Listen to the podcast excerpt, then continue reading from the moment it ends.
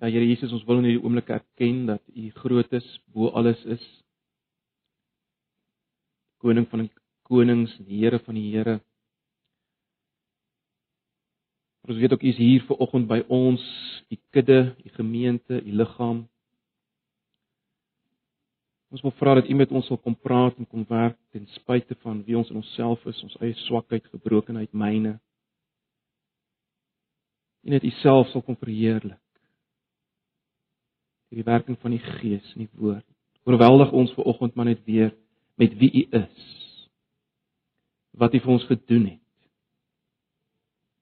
En die voorreg wat ons het om met vrymoedigheid ver oggend na U te kan kom. Here, oorweldig ons weer eens met die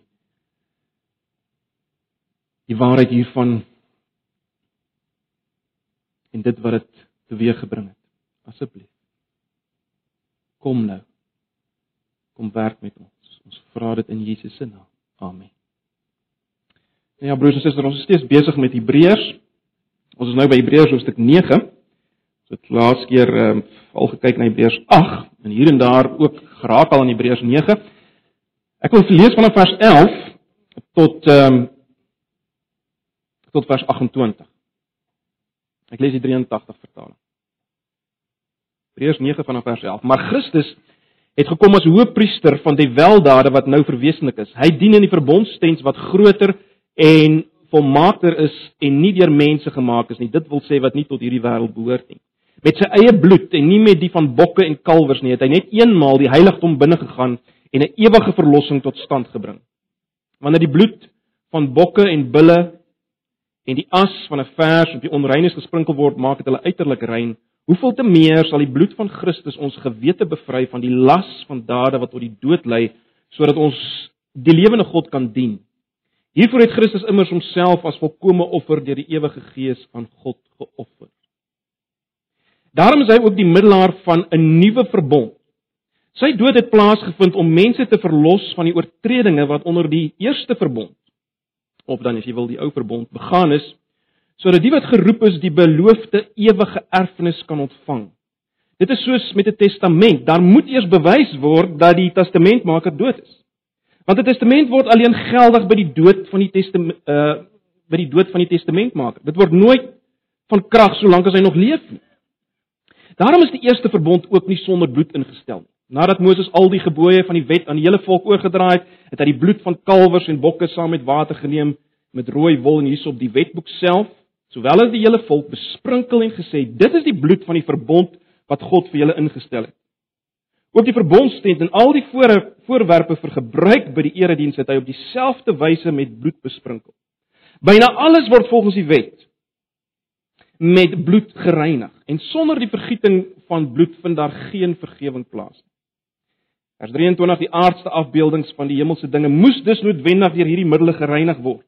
Maar die hemelse dinge self deur beter offers as hierdie. Christus het nie ingegaan in 'n heiligdom wat deur mense gemaak is uh en net 'n namaaksel van die ware is. Nee, hy het in die hemel self ingegaan om nou ter wille van ons voor God te verskyn. Hy het nie ingegaan om homself herhaaldelik te offer soos die hoëpriester elke jaar.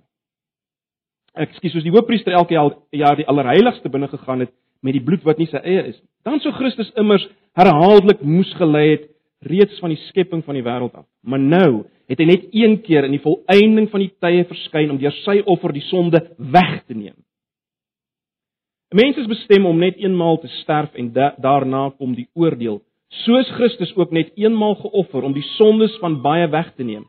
As hy die tweede keer verskyn, kom hy nie in ver in verband met sonde nie, maar om verlossing te bring vir die wat hom verwag. Lees net so ver.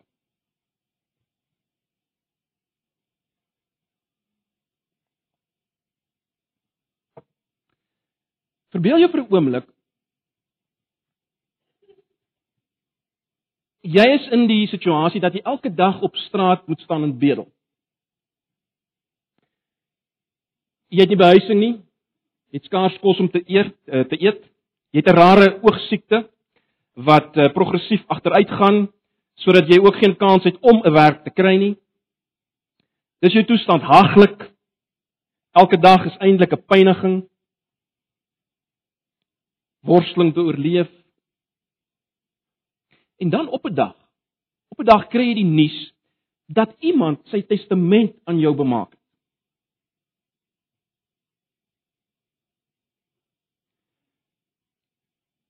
En dit stel jou in staat of sal jou in staat stel die bedrag om 'n operasie te ondergaan wat jou oogtoestand sal herstel.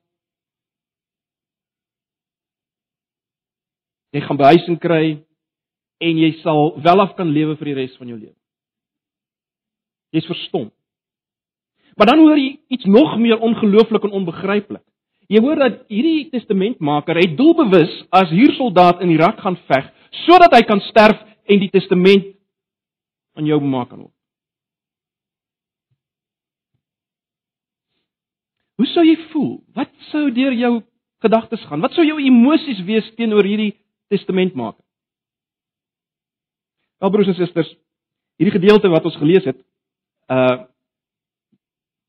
beskryf 'n soortgelyke verskynsel, maar hier's net baie meer en is baie dieper as hierdie verhaaltjie wat ek nou gebring het. Ek wil hê ons moet daarna kyk. Uh julle het 'n preekraamwerk, so volg maar daar uh, die opskrifte soos ek daardeur gaan. Ek wil hê ons moet net begin by dit wat ons verlede keer gesien het. Ons het gesien uh of ons het gekyk na die wat ek genoem het die nuwe beter verbond. Julle sal onthou Hebreërs 8 uh wys daarop dat Christene mense soos ek en jy na die dood, lewe, sterwe en opstanding van Jesus behoort aan 'n beter verbond, 'n nuwe verbond. Dit word die nuwe verbond genoem want daar was ook 'n ou verbond. Dis die verhoudingsooreenkomste wat God aangegaan het met Moses en die volk by die berg Sinai, né? Nee. Waar God gesê het ek wil vir jou 'n volk, 'n God wees, ek wil vir jou God wees, jy moet my mense wees, my volk wees En dis die manier waarop jy moet wees. Uh al hierdie stipulasies moet jy nakom, die offerandes, al die rituele. Dis die manier waarop jy vir God moet leef, deur al hierdie dinge na te kom en te onderhou. Nou die punt wat Hebreërs 8 maak en en dit word uitgebrei in hoofstuk 9 tot 10. Die punt wat Hebreërs maak is dat die nuwe verbond waarvan ek en jy deel is as jy kind van die Here is, is beter as as hierdie ooreenkoms wat daar was. Uh, die skrywer gaan so ver om te sê dat alles wat plaasgevind het onder hierdie ou verbond was maar net 'n afbeelding van die realiteit. Dit was nie die ware Jakob. Dit was 'n afbeelding van die ware verhouding wat God wil hê tussen hom en sy mense. Jy sien onder hierdie ou verbond was dit nie moontlik om in 'n intieme verhouding met God te leef wat van binne af kom nie. Dit was net nie moontlik. Jy kon nie die vrug dra wat God wil hê jy moet dra nie. Dink maar net weer aan Jesaja 5 se mislukking. En die groot rede, dis baie belangrik vir oggend. Die groot rede daarvoor was dat sonde het nog bly staan tussen jou en God. Daar was nog nie finaal gehandel met sonde nie. Dit was die groot rede. En daarom was alles wat gedoen is nog net uiterlik, nie van binne nie.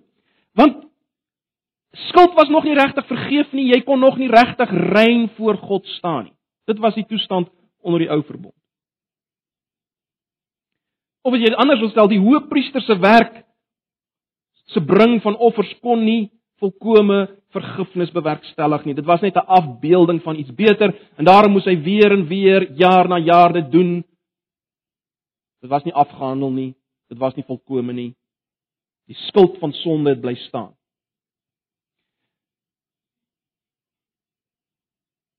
En daarom is die nuwe verbond beter. Nou die gedeelte wat ons gelees het begin om te verwys na hierdie gebeure onder die ou verbond. Die bring van die offers weer en weer. Maar ek wil hê ons moet net eers spring na vers 15 as jy wil. In vers 15 word die stelling gemaak dat Jesus die middelaar is van hierdie beter verbond waarvan ons nou gepraat het. sien julle vers 15?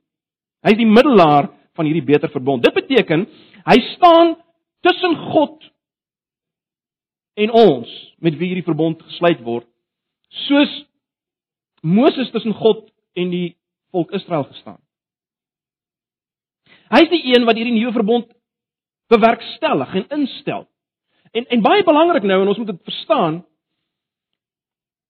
Onthou nou wat ons al reeds gesien het in Hebreërs 1 vers 1 tot 3. Jesus is self God.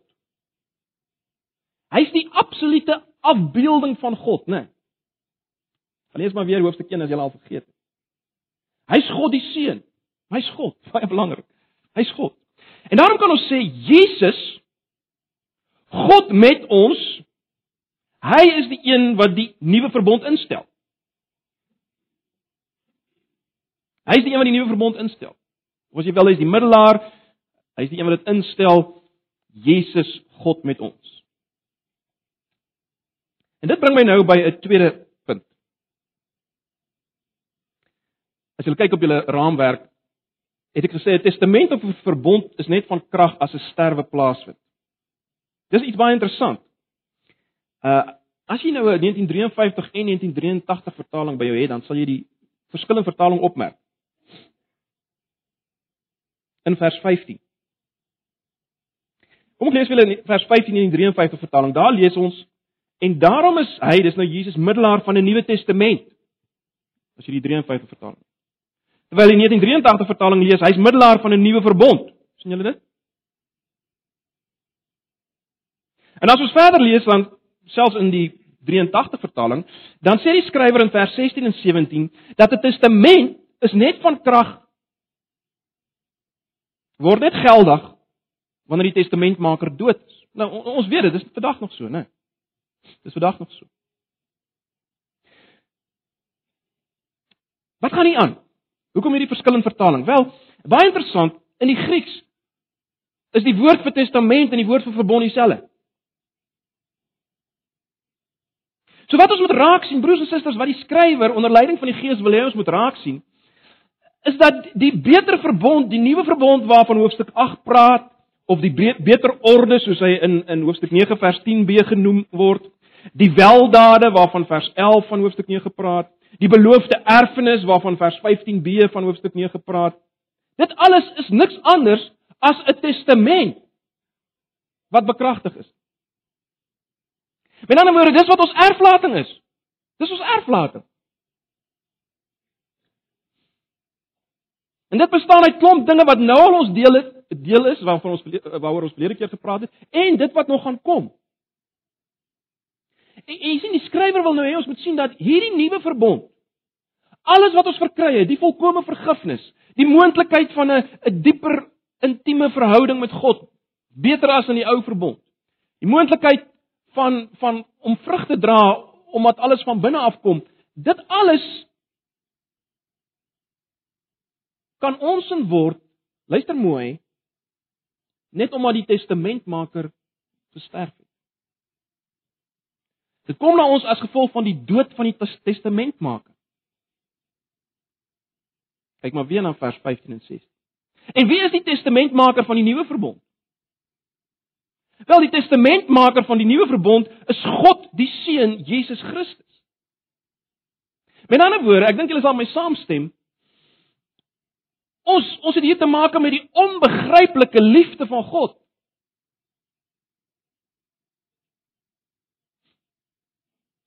Jy nou dink aan die voorbeeld waarmee ons begin het. Hier hier is onbegryplike liefde van God. Hy is die testamentmaker. Hy wil hê ons moet die heerlikhede van die nuwe verbond, die ewige erfenis wat nou al in beginsel ons is en alles wat nog kom, alles wat daarmee saamhang, hy wil hê ons moet dit beleef. Hy wil dit graag hê, so graag hê dat hy bereid was om te sterf. Dis dis die punt wat die skrywer wil hê ons moet raak. Ten spyte van wie ons is, was hy bereid om te sterf sodat dit alles ons kan word. Hierdie Nuwe Testament, hierdie nuwe verbond waarvan ons verlede Sondag gepraat het met alles wat dit behels. En dit bring my by die derde opskrifie wat ek daar op die raamwerk het. Is iets geweldig wat ons nou moet raak sien.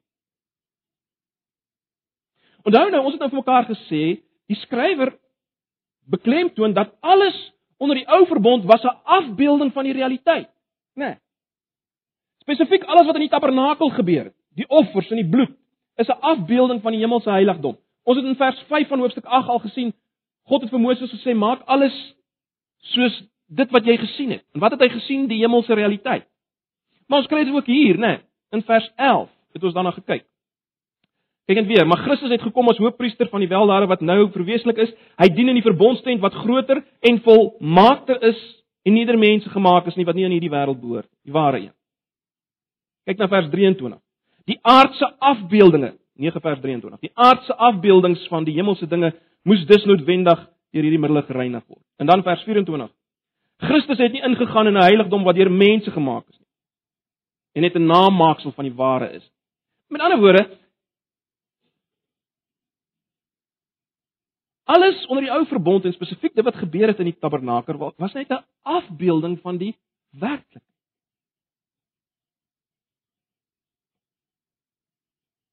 So wat is aan die gang in vers 18 tot 22 waar waar die skrywer nou wys dat alles onder die ou verbond is besprinkel met bloed. Onthou nou, ons sê alles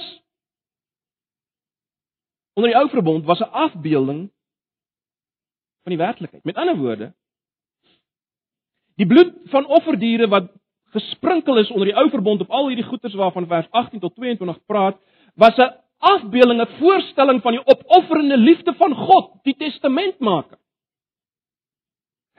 Dis die punt, is dit nie? Dis 'n afbeelding daarvan.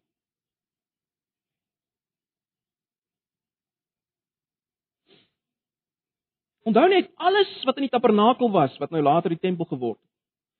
Alles wat daarin gebeur het, was die manier waarop die ou verbond nagekom is. Dis hoe jy geleef het vir God. Dis hoe jy die verbondsverhouding nagekom het deur al hierdie dinge te doen en na te kom daar in die tabernakel veral.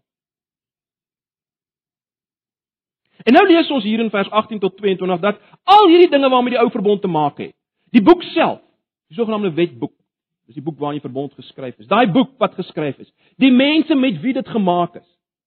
Die tabernakel waar die offers plaasgevind het en al die voorwerpe wat te maak gehad het met die aanbidding in die tabernakel. Dit alles is met bloed besprinkel. Het jy dit gesien? Dit alles is met bloed besprinkel. So wat wil die skrywer hê met ons raak sien? Broers en susters, ek wil so ver gaan om te sê die skrywer wil hê sy lesers moet sien dat hierdie bloed onder die ou verbond reeds uitgeroep het. Alles wat hier gebeur al julle deel hê aan hierdie verbond, alles wat julle doen kan gebeur as gevolg van my selfopofferende liefde. Ja, julle sien nou net die bloed van diere, né? Wat julle geslag word, maar dit staan, dis 'n afbeelding van die testamentmaker se bloed. Hoor julle dit? Dis 'n afbeelding van die testamentmaker se bloed, my bloed. Dis wat God sê. Dis tog dis tog wat die aangaan is, is dit nie? As alles 'n afbeelding is, dan is dis die bloed die afbeelding van die bloed van die testamentmaker. Van geen testament kom tot stand sonder die dood van die testamentmaker. sien dis wat God sê, my bloed, die testamentmaker se bloed gaan vloei sodat hierdie dinge 'n realiteit kan word. Al die dien van my, al die aanbid van my, sodat dit intiem, intiem kan word, 'n realiteit kan word. Is nie ongelooflik?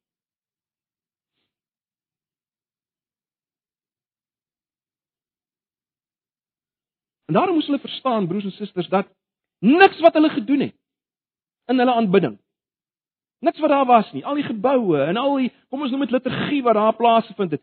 Niks kon aanvaarbaar wees sonder God se opofferende liefde soos dit sigbaar word in sy bloed. Deur die bloed. Niks kan aanvaarbaar wees vir God sonder dit. Alles was afhanklik van hierdie opofferende liefde van God of dan as jy wil sy genade. En net so beteken dit ons wat besig is met die realiteit alles wat ons doen onder die nuwe verbond in ons aanbidding van God is net aanvaarbaar vir hom as gevolg van die bloed van die testament maak.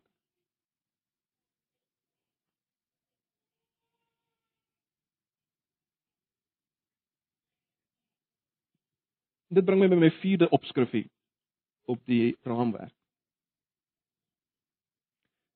Die dood van die testamentmaker van nader bekyk. Broers en susters, ons lees so maklik oor hierdie dinge, né? Nee.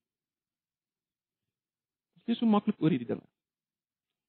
As ons kyk na vers 11 tot 13. Kom ons luister net weer na vers 11 tot 13. Ons gaan nou terug na vers 11 tot 13. Maar Christus het gekom as hoëpriester van die weldade wat nou verwesenlik is. Hy dien in die verbondstent wat groter en volmaakter is en nie deur mense gemaak is nie. Dit wil sê wat nie tot hierdie wêreld behoort nie. Luister dan. Met sy eie bloed vers 12. Met sy eie bloed en nie met die van bokke en kalwers nie. Het hy net eenmaal die heiligdom binne gegaan en 'n ewige verlossing tot stand gebring.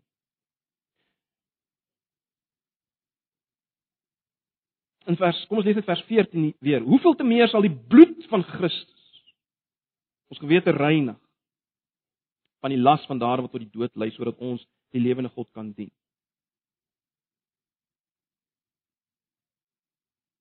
Vers 23 tot 24 praat van dieselfde ding. Kom ons lees net vers 24. Christus het nie ingegaan in 'n heiligdom wat deur mense gemaak is nie, uh gemaak is en net 'n namaaksel van die ware is nie. Nee, hy het in die hemel self ingegaan om nou ter wille van ons voor God te verskyn.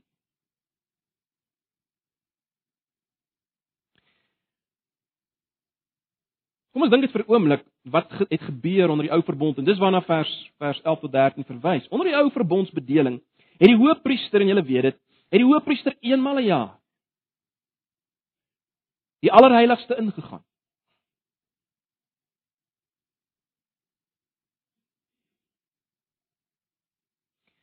Hy het sy hande gelê op die offerdier as teken dat die volk se sondes word oorgedra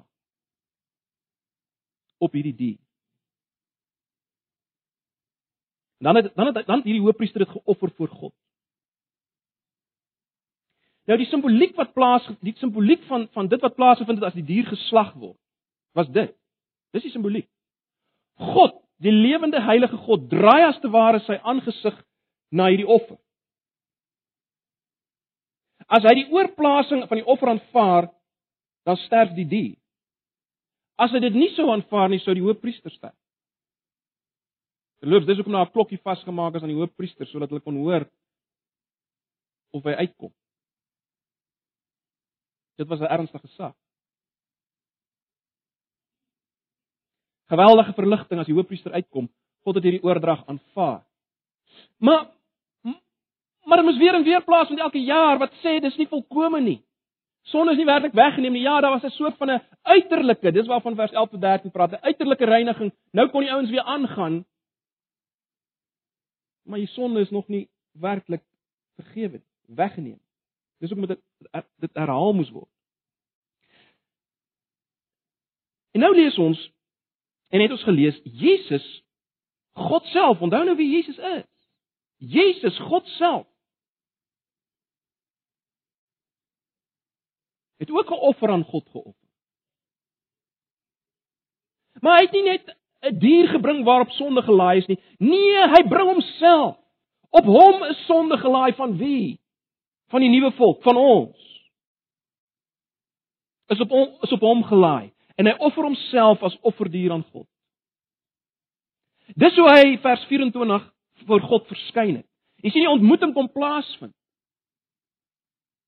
Die ontmoeting het plaasgevind tussen God en die offer. Broers en susters, dis wat gebeur het aan die kruis. Dis wat gebeur het toe Jesus bebloed vasgespijker is aan 'n houtkruis. Dis dit was sy offerhout. En in daai oomblikke van duisternis het dit alles plaasgevind. Verskyn hy voor God. En dit was nie 'n ligtelike saak nie. Dit was geen ligtelike offerande nie. Da 3 dae moes daar gewag word vir die uitslag vir die opstanding. En as Jesus opstaan en, en dan kom hy as te ware uit sy graf uit soos die hoëpriester uit die heiligdom uitgekom het en dit sê vir ons God het dit aanvaar. God het dit aanvaar. Dit wat hy gedoen het. Dit wat hy En ons lees dit was so volkome dat dit nooit weer hoef gedoen te word nie. Hy het eenmaal ingegaan. As hy offer dien.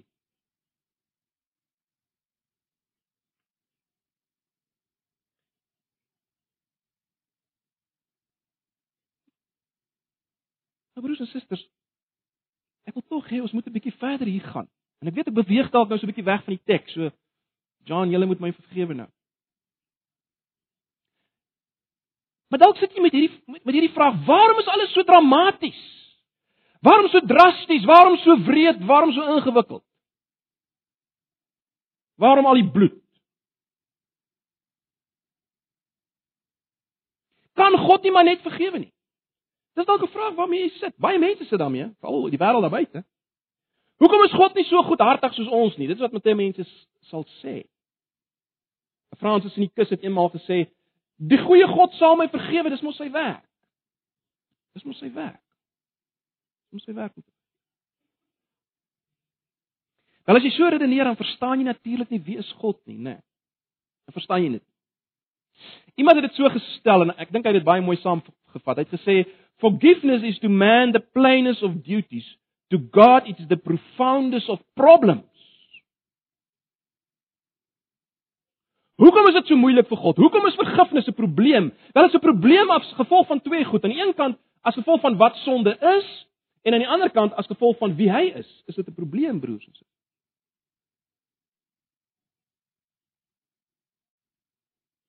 In Hebreërs 9 is daar net sulke puntjies van die ysberg van die Bybelse waarheid omtrent hierdie dinge.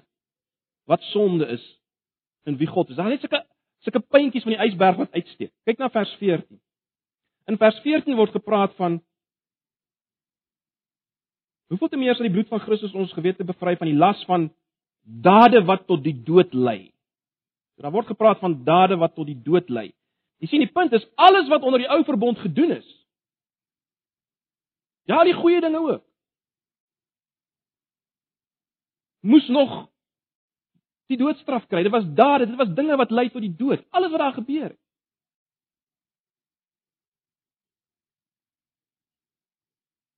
In vers 27 lees ons van oordeel. Oordeel. In vers 27. In vers 24 lees ons dat die groot ding wat Jesus bewerk het deur sy bloed wat gevloei het, was om voor God te verskyn ter wille van ons, in ons plek voor God te verskyn. Jy sien, dit was 'n groot issue om voor God te verskyn. Dis die punt. So ons lees van dade wat tot die dood lei.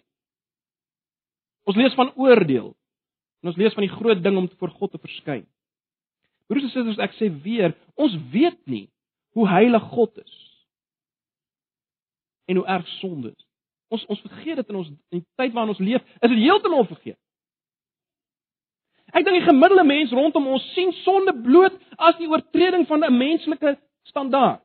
Die morele konsensus of of die uh dit wat sosiaal aanvaarbaar is. Met ander woorde, as ek iets doen wat nie sosiaal aanvaarbaar is vir almal nie, dis sonde.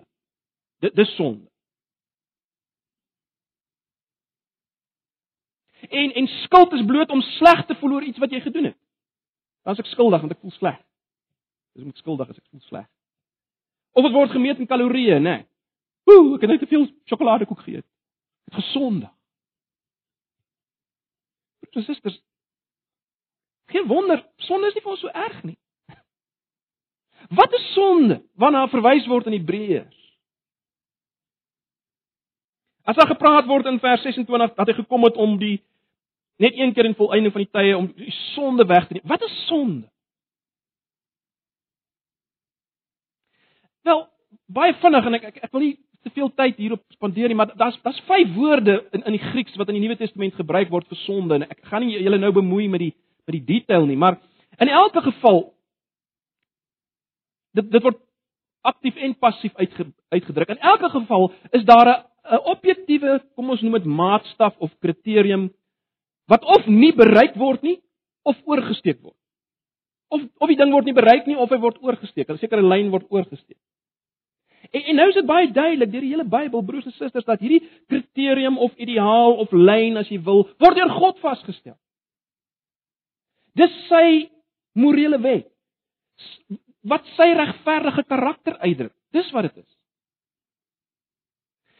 Maar baie belangrik en ons moet dit hoor, dis nie net die wet van sy eie wese nie, dis ook die wet vir ons want ons is sy beelddraers. Of jy dit wil weet of nie. Of jy dit wil weet of nie. En daarom is die verwagtinge van hierdie wet is in elke mens se gewete ingeskryf. Sonde, broers en susters, is daarom, soos die Bybel dit noem, wetteloosheid, of jy kan dit anders stel, dis die mis van jou skepingsdoel. Dis die mis van Dit waarvoor jy bestaan. Beelddraer van God. Dis son. Jy sien Jy sien die inneem van te veel kalorieë nie.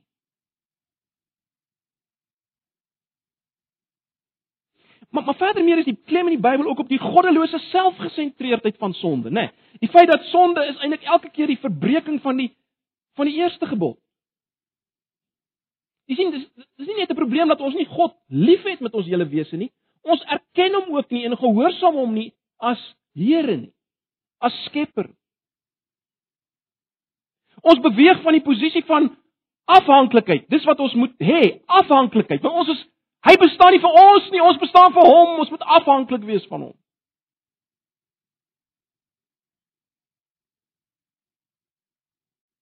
Maar nou wil ons onafhanklik wees.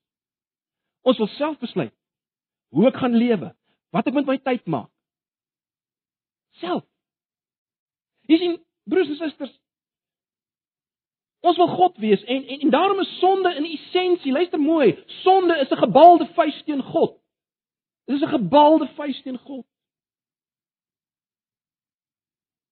Ons kan dit alles ook 'n bietjie anders stel en ek het al hieroor gepraat. In die Bybel kry ons die term Shalom. Nou dis meer meer as vrede, die die die die die term Shalom druk uit die toestand waar alles heel is, waar daar vreugde is, waar alles gesond is. Dis waarna die profete uitgesien het, dis wat gaan kom. Maar ons kan ook sê dis hoe dinge moet wees. Dis hoe die wêreld moet lyk en my en jou lewe moet lyk. Daar moet Shalom wees. En my sonde en jou sonde is wanneer ons hierdie heelheid en hierdie vrede en hierdie vreugde vertrap onder ons voete. En onthou nou, onthou nou, hierdie Shalom is deur God ingestel. En daarom is my en jou verbreeking van hierdie Shalom. En daar's baie maniere hoe ons dit kan verbreek, aktief of passief. Kyk as jy bloot ook niks doen, jy lê heeldag by die huis of stap heeldag deur die winkelsentrums en doen niks vir jou naaste nie, jy is ook besig om die Shalom te verbreek, hoor. En dit is 'n belediging van God. Dis 'n vertrapping van dit. Broers en susters, God kan nie anders as om sonde te straf nie. Ek meen, 'n simpel voorbeeld. Stel jouself voor jy kon 'n speelding maak wat leef soos 'n Toy Story. En jy het die speelding gemaak vir 'n sekere doel. En hierdie speelding begin ewe skielik net doen wat hy wil heeltemal nie doen waarvoor jy hom gemaak het nie. Hoe sal jy voel oor die speelde? Wat gaan jy maak met hom? Dis dis 'n swak voorbeeld, maar broers en susters, ons vergeet wie God is. En ons vergeet dit wat Hebreërs 12 vers 29 sê dat God is 'n verterende vuur.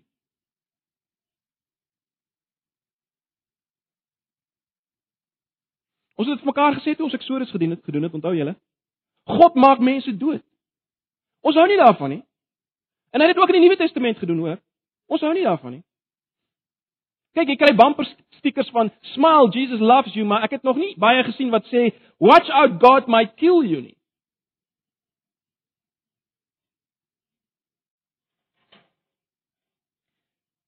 Baie belangrik. Hy is die absolute heilige. En nou broers en susters, sy heiligheid en sonde kan nie bymekaar kom nie. Die Bybel leer dit. Die twee goed kan net nie bymekaar kom nie. En daar's verskillende maniere hoe die Bybel dit uitdruk. Uh daar's eerstens die metafoor van afstand wat dit uitdruk. Ons durf nie te naby aan aan hom kom nie. Onthou julle Moses by die brandende bos? Hy kon nie nader gekom het nie. Die volk by die berg Sinai hulle kon nie nader as 1000 meter gekom het van die berg nie, want hulle gesterf. So hierdie hierdie metafoor van afstand beeld uit dat God en sonde kan nie by mekaar kom nie. Dan is daar die metafoor van lig en vuur. En en beide sê dat jy nie te naby kan kom nie, né? Skerp lig is te verblindend, jy kan nie naby dit kom nie. Vuur, wel, ons weet wat gebeur as jy te naby aan vuur kom. Beide word gebruik vir God. God is lig en God is vuur. Hebreërs 12. En dan is daar 'n laaste beeld of 'n metafoor wat dit uitlig en, en ek het al daaroor gepraat. En dis die metafoor van formering, opbring, opgooi as jy wil, soos ons daaroor praat. In die Ou Testament is dit die woord wat gebruik word om te sê hoe God voel oor die sonde van sy volk. Dit laat hom opgooi. In die Nuwe Testament word dit in Openbaring 3 vers 16 uitgedruk. Omdat julle nie koud is of warm nie, maar omdat julle lou is, sal ek julle uit my mond spoeg. Nou die vertalers was bang om die woord te gebruik. Dis opbring. Ek word naar daarvan. Dis wat God sê. God word naar van sonde. God en sonde kan nie saam bestaan nie broers en susters. Dis die punt. En luister mooi. As dit nie so was dat sonde sy regverdige heilige woede teweeggebring het. As dit nie so was dat sonde hom uitgetart nie, sou ons geen respek vir hom gehad het nie. Daar was aan nie God nie. Ons sou ons respek verloor het. Kan jy sien God kan nie maar net vergewe nie. Nou, die vraag is, hoe kan dit dan nou gebeur?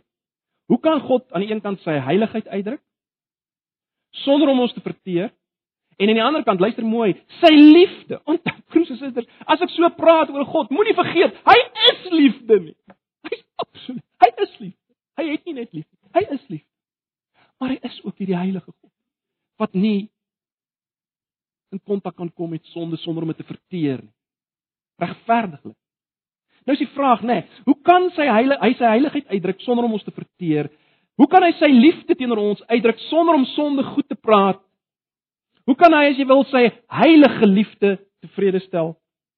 Of as jy dit anders verstel, hoe kan hy ons red en getrou bly aan homself? Hoe kan hy vir ons 'n 'n nuwe verbondsverhouding gee tot stand bring sonder om op te hou om God te wees? Hoe hoe kan dit gebeur? Hoe kan hy hierdie nuwe verbondsverhouding waarvan ons in hoofstuk 8 gelees het? Hoe kan hy tot stand bring sonder om op te hou om God te wees? En die antwoord is dit waarvan Hebreërs 9 praat. Die offer van Jesus. Dis die antwoord. Die dood van die testament maak. Die dood in die bloed van God die seun. Sien in die Ou Testament baie duidelik, ons het nou gesien, geen offer kon handel met die sonde nie. Want dit was elke keer diere offer. Dit kon net vir 'n tydelik vir 'n tyd uiterlike reiniging teweegbring en dit moes jaar na jaar herhaal word. Niks kon dit bring. Selfs die offer van 'n mens sou nie werk nie. Die enigste manier hoe daar finaal met sonde gehandel kon word, was as God mens word en sy bloed vloei. Want ons lees in Levitikus 17 die lewe is in die bloed, né? Nee, 'n bloed wat vloei sê 'n lewe word gegee.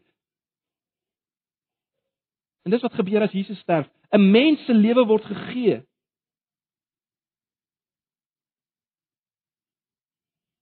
In die plek van al die sonde wat die dood verdien.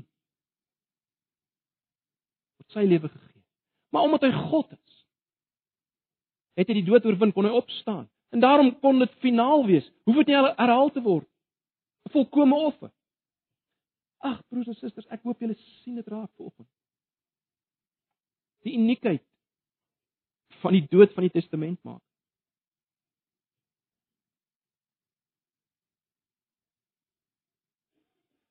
Dit was radikaal.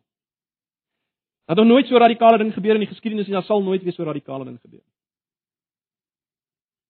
God se bloed wat vloei. God die seun. Hoekom? Liefde liefde, liefde.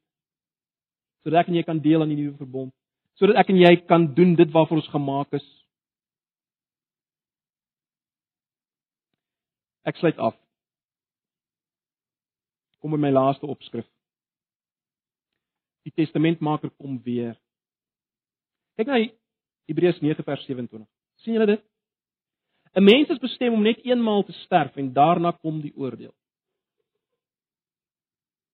Dit geld vir elkeen van ons. As jy 'n kind is, onthou, jou sterwe is meer seker as die feit dat jy eendag matriek gaan skryf. 'n Mens gaan is bestem om eenmaal te sterf en daarna kom die oordeel. Die vraag is: sien jy kans daarvoor om voor God te verskyn, die God waarvan ons nou gepraat het? Wat nie in kontak kan kom met sonde sonder om dit te verteer nie. sien jy kans daarvoor? Kan jy?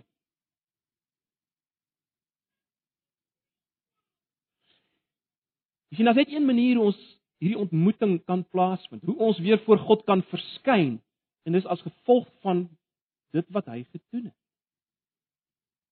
Kyk na vers 28, die laaste vers. Soos Christus ook net eenmaal geoffer.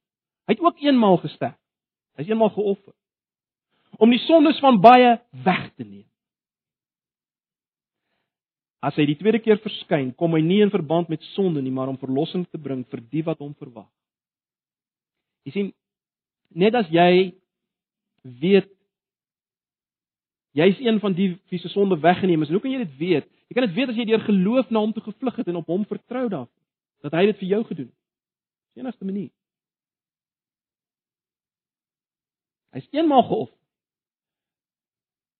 Hy die wat aan hom behoort se sonde weggeneem, die skuld daarvan, die straf wat dit bring en daarom kan jou gewete vry wees. Jy, jy jy hoef nie gepla te word deur jou gewete deur dit wat jy gedoen het. Jy kan weet dit is vergewe deur Jesus. Jy gaan nie die straf daarvoor dra nie.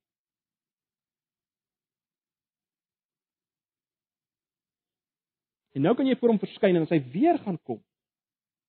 En hy gaan weer kom. hy gaan verseker weer kom. En dan kom hy om ons te verlos. Dit beteken finaal te verlos van hierdie wêreld en van ons bestaan hier. Hy gaan kom om ons verlos as hy weer. Vers 28 sê hy kom vir die wat hom verwag. En nou wil ek eindig met waar, waarmee ek begin het. Hoe voel jy oor hom? Hoe voel jy oor die testament maak? Verwag jy hom? sien jy uit na hom? Is dit waarom jou lewe draai? Want dan is dit 'n bewys jy het deel aan aan hom en aan dit wat hy gedoen het. Hy gaan kom vir die wat hom verwag. Hulle sal voor hom kan verskyn.